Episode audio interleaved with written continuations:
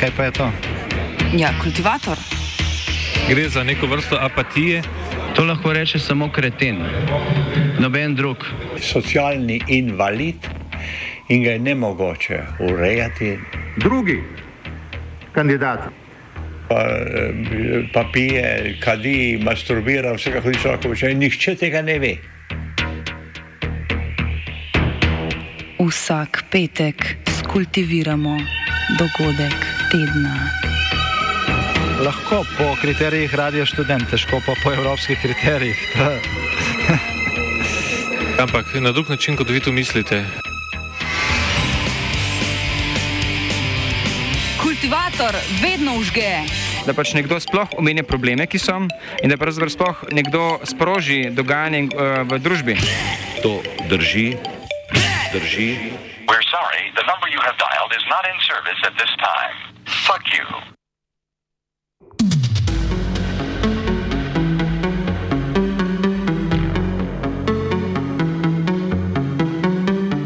Dobrodošli torej v današnjem kultivatorju. Temo smo že rahlo napovedali s tem hitrim insertom na začetku. Danes se torej spoprijemamo s problematiko slovenskega zdravstva, konkretneje z neodzivnostjo, družinskih ambulant pri naročanju. Zdaj v ponedeljek je zagovornik načela enakosti Miha Lobnik sporočil, da so zdravstveni inšpektori potrdili njegove ugotovitve o kršitvah izvajalcev pri dostopu pacijentov do osebnega zdravnika in zagovornik Zagovornik je že konec lanskega leta ugotovil, da veliko število družinskih ambulant sploh ne zagotavlja vseh zakonsko predpisanih možnosti naročanja. Torej, poleg uh, spletnega naročanja preko aplikacij, tralala, imamo še osebno ambulanti po telefonu ali pa po pošti, zbrav neki tradicionalnejši načini. Z nami v etru je Jani iz aktualno-politične redakcije. Kaj točno so bile lanske ugotovitve zagovornika načela enakosti in Zakaj so bile te ugotovitve tako problematične, da so sprožile to inšpekcijo? Ja, uh, skratka, novembra lani je zagovornik načela enakosti s pomočjo nekega zunanjega izvajalca upravil kvalitativno raziskavo o komunikacijski dostopnosti ambulant družinske medicine. V raziskavi so sodelavci zagovornika upravili telefonske klice pri 62 ljubljanskih ambulantah družinske medicine, kjer so s 55 ambulantami uspeli vzpostaviti stik, uh, vendar pa je na prvi klic odzvalo le 12 ambulant, oziroma 19 odstotkov vseh, ki so jih klicali, mm. naslednjih 30 ambulant pa se je odzvalo šele do in vključno z petim klicem, pri zadnjih 13 ambulantah pa je bilo potrebnih vse od 6 do 21 klicev, sedem ambulant pa se pač sploh ni odzvalo. Na klic.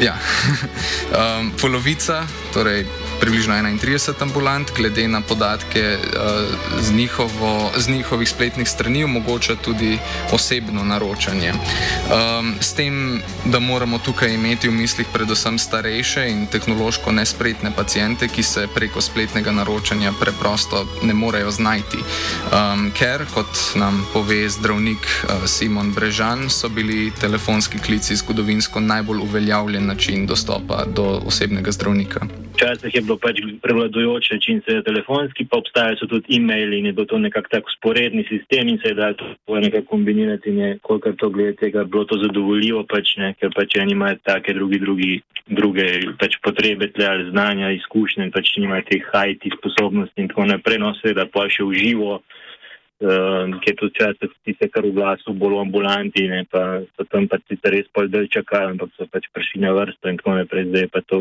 vse bilo omejeno že pred COVID-om, pa pa za časa COVID-a še toliko bolj.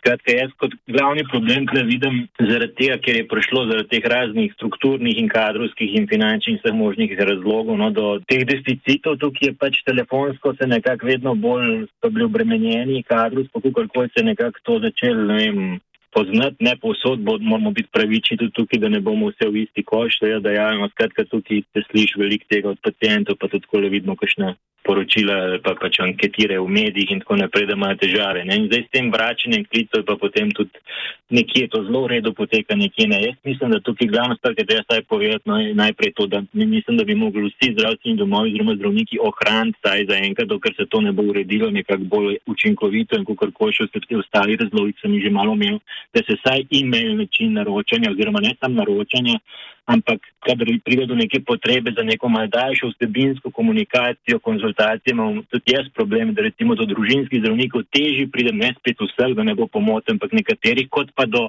specialistov na kliničnem centru, ker ima vsak svoj javno objavljen e-mail in se lahko konzultiraš in, in tako naprej. Tako da že tlele se vidi, jaz zdaj govorim za tisto vzor, ki ni nujno reprezentativen, da ga imam jaz, skratka da bi mogli ohraniti vsaj e-mail na svinke, tudi nekateri starejši, ki so recimo drugače, imajo manj teh veščin, so pa saj za e-mail, se recimo lažje navadili, ker pa vse te može neke moderne aplikacije in seveda vsaka sprememba pri njih je tudi. Zdaj pri telefonih je pa pač ta problem, ne se veste, da je potem res kakšna ambulanta bila samo s tem obremenjena preveč in sestra, ne vem, ali kdorkoli je že tam to prevzel, ima druge naloge in tako naprej in potem tudi vračanje poteka povsod teh klicev in zato so bili ti klicni centri v misli, ampak to tudi nekako ne deluje čisto povsod, kot je bilo zamišljeno, kot slišim zdaj.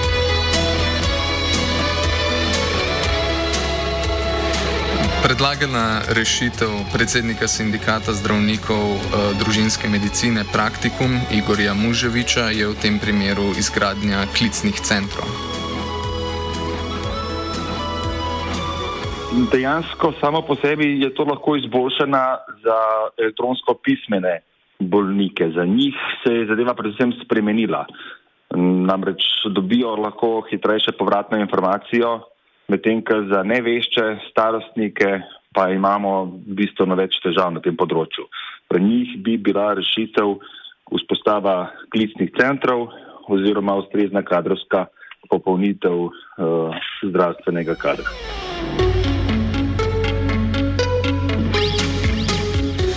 Na podlagi raziskave je zagovornik načela enakosti letos februarja Ministrstvu za zdravstvo predložil priporočilo glede zagotavljanja dostopnosti ambulant družinske medicine, na podlagi katerega je potem zdravstveni inšpektorat med februarjem in marcem le, letos izvedel inšpekcijo.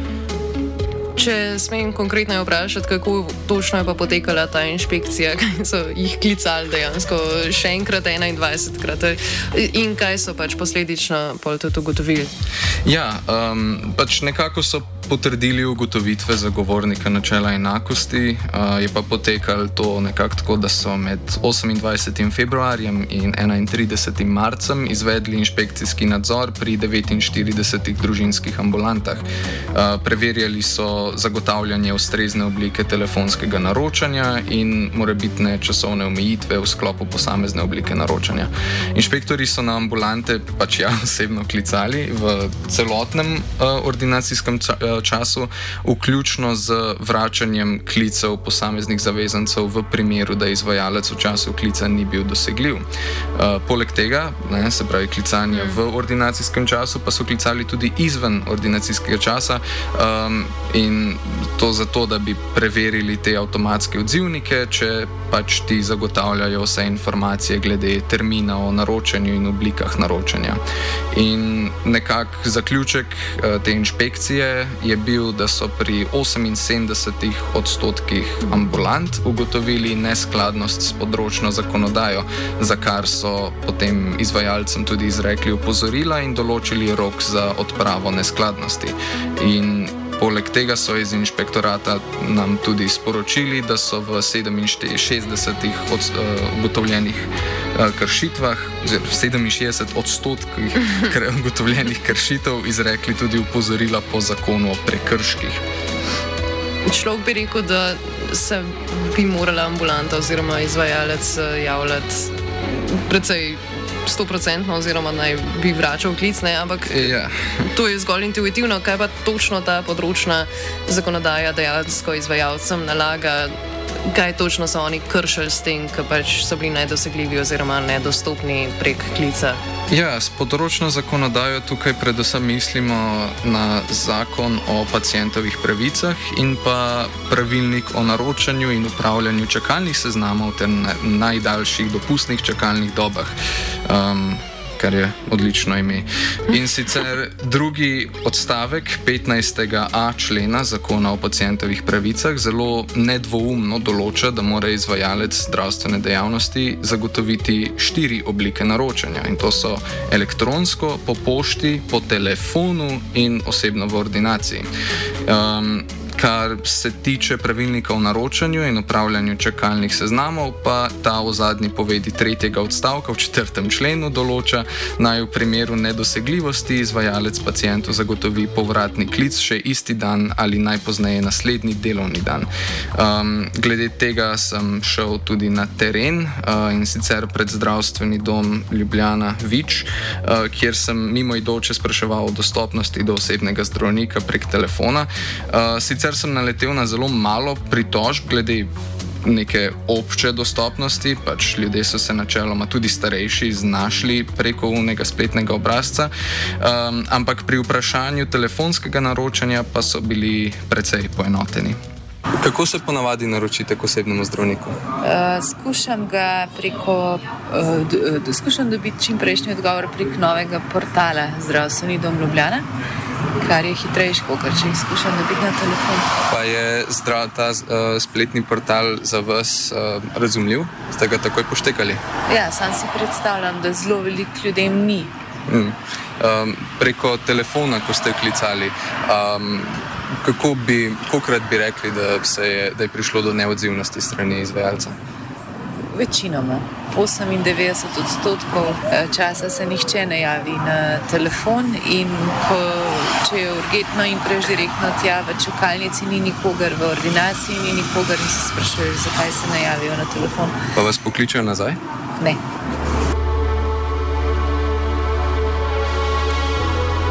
Če se vrnemo k klicnim centrom, kaj je, kakšna je učinkovitost teh? No?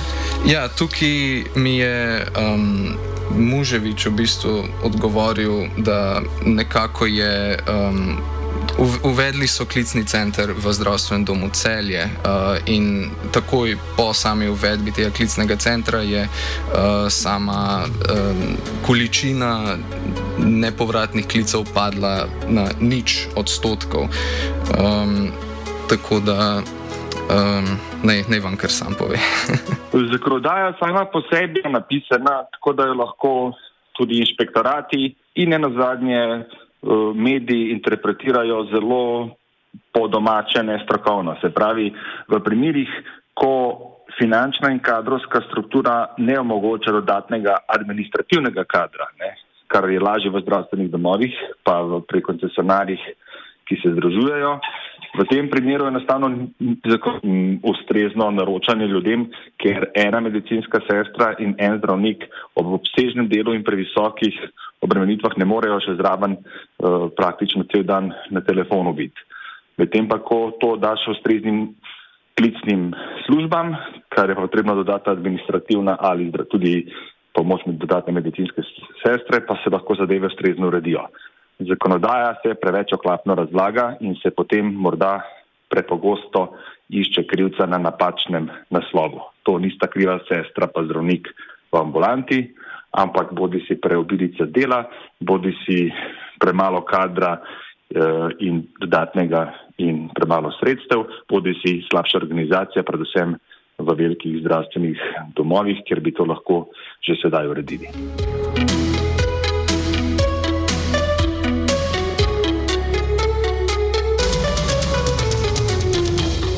Mogoče ga tokrat eh, Muževiča nismo slišali govoriti eh, točno o klicnih centrih, ampak eh, o nestrokovnosti napisane zakonodaje. Ja, tako. Um, tukaj je pač izpostavljal dejansko, da ko govorimo o tej dotični zakonodaji, se v bistvu um, bolj izpostavlja napačne grešne kozne, eh, gozle. Ne. Ponavadi rečemo, da so zdravniki krivi za vse, ampak v resnici gre tukaj tudi za neko nejevoljnost in na vse zadnje tudi pomankanje sredstev pri zdravstvenih domovih, da bi vzpostavili te klicne centre. Ampak če gremo zdaj dejansko na uspešnost klicnih centrov, zares. Um, naj vam pove Muževič zopet.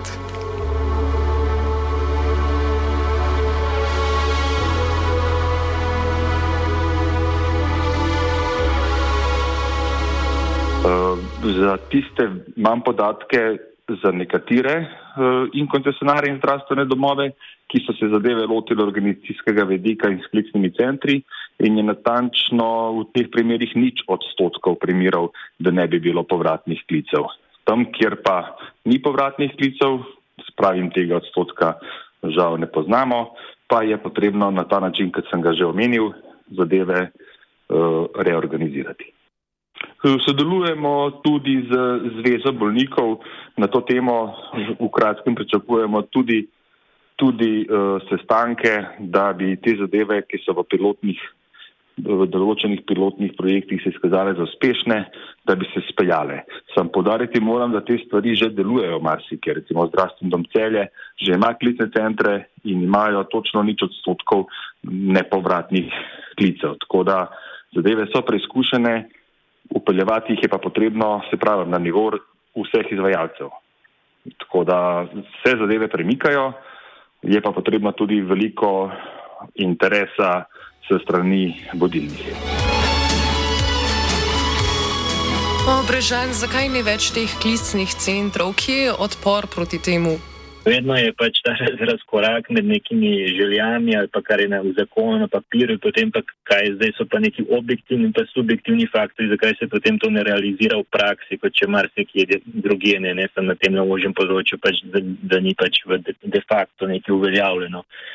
In zdaj jaz pač tukaj ne poznam teh spet toliko podrobnosti, kaj se je v zadnjih mesecih dogajalo, ker sem jaz razumel, da bi te klicne centre, takrat, če pod bivšim ministrom spostavljene, bi to nekako delovalo na neki nacionalni ravni in ne bi sploh smel prijeti po moje, oziroma ni to pravilno, da se lahko kar vsak zdravstven dom tukaj nekako spet samovoljno, arbitrarno in tako naprej odloča, bo to pač uh, res v na začetku neki pilotni model in kasneje bo to naj bi bil zamišljen, saj tako sem jaz razumel, da se to pač uveljavi na nek način nacionalno. Sploh pa če vidimo, da so neki primeri dobre prakse in v tem primeru kot si omenil, to je celje, ne pa še kje verjeten. Poleg tega, da sem tako za BDV povedal, niso samo tukaj, imamo tudi pri kadrovskih rešitvah neke zdravstvene domove, ne tako, kot se zdaj sliši z medijev, recimo, mislim, da je njih Ajdovščina, pa še njih par blone, ker so uspeli tudi kadrovske probleme rešiti. To pomeni, ni čist nemogoče, kljub temu, da je skupni bazen kadrov seveda občutno premehen.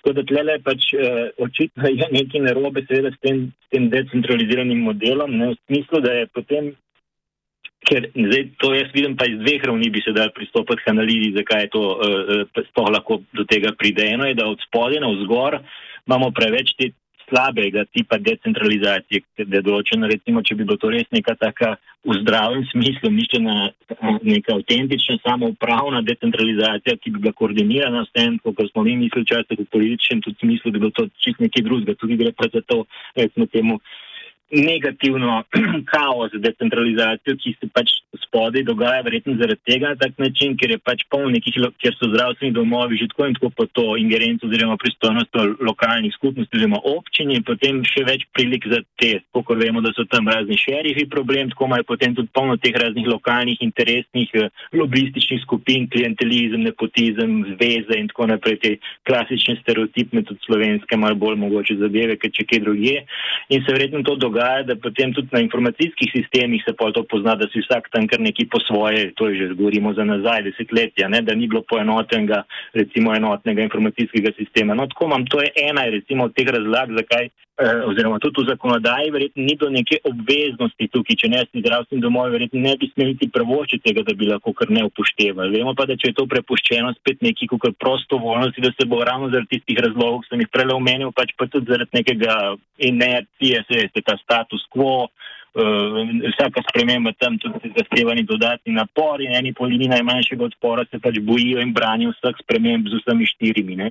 To, to bi rekel, da je mogoče iz tega vidika zdravstvenih domov problem, skratka, vedno je pač drugo, so pa objektivni faktori, ki je res tudi. Pač za te zadeve rabiš pač neke kadrovske kapacitete, spremeniti neke organizacijske načine, neke vredne finance, ampak vedno je se mi zdi v spredju to pomankanje volje, ki je pa motivirano. Če tega ni, ne, potem vse ostalo pač ne more slediti. No. Zdaj, iz zgornjega nivoja bi pa tudi rekel, da je tudi problem, kot še kje druge, zakaj je ta decentralizacija slaba in tudi tle se pozna pri sistemi naročanja, ker pa od zgoraj na vzdolj, skratka z nivoja države, ministrstva, karkoli še drugih pristojnih organov, ki bi mogli skrbeti, ni bilo in ni tako, kar vidimo na širše, že tok časa neke nacionalne prave, recimo sistemske reforme, strategije in potem te koordinacije, ki bi potem na nek način obvezna, ne, se prenašala seveda prej dogovorjeno z nekim večinskim konsenzom, potem bi se to tako uveljavilo, ne pa da je prepuščeno. En tretji faktor je pa potem tudi to, da so se te lokalni, kot bi rekel, decentralizirani modeli verjetno tudi zdaj tako pojavili, ne samo zaradi tistih, recimo temu, patoloških razlogov, ki sem jih prej omenil, ne motivov, ampak včasih tudi po spletu nekega tega, ker so bili pač prepuščeni sami sebi, zato ker ni bilo iz državnega nivoja te, kako bi rekel, prave, ne avtokratske, ampak ne, kot sem prej rekel, neke centralne koordinacije, ne, potem smernic, strategij, kot hočemo temu reči zakonodaj, in potem se pač dogaja to, da se prepuščen vsak sebi po zakonu, ne, znajdi se in tako naprej, se pa lahko dogaja neka taka kaotična slika, ne, kot se pač zdaj vidi. No.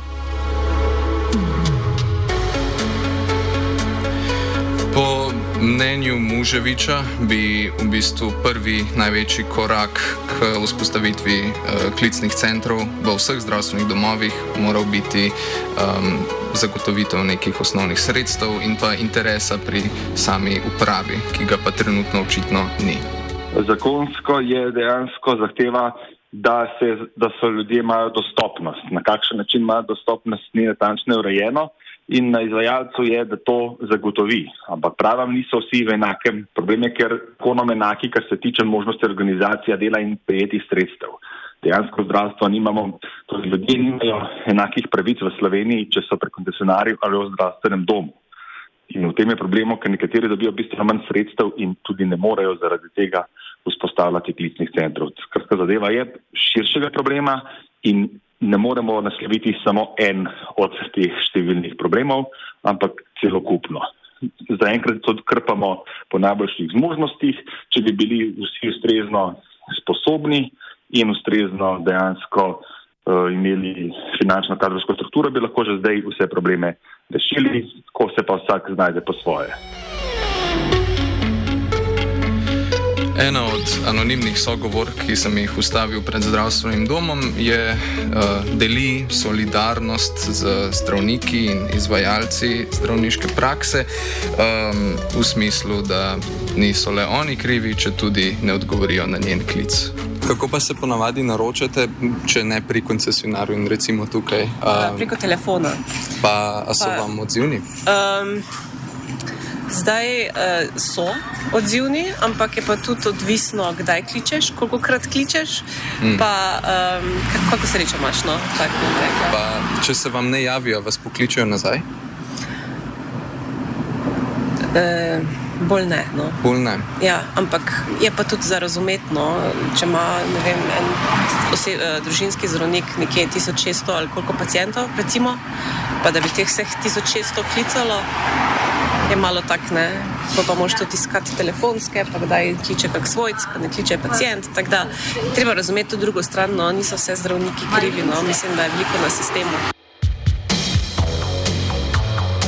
Če torej zaključimo, bi lahko rekli, da bi tako kot eh, pri družbi Taxi Metro tudi v zdravstvu morda potrebovali več ljudi pred telefoni, ki dejansko odgovarjajo na klice.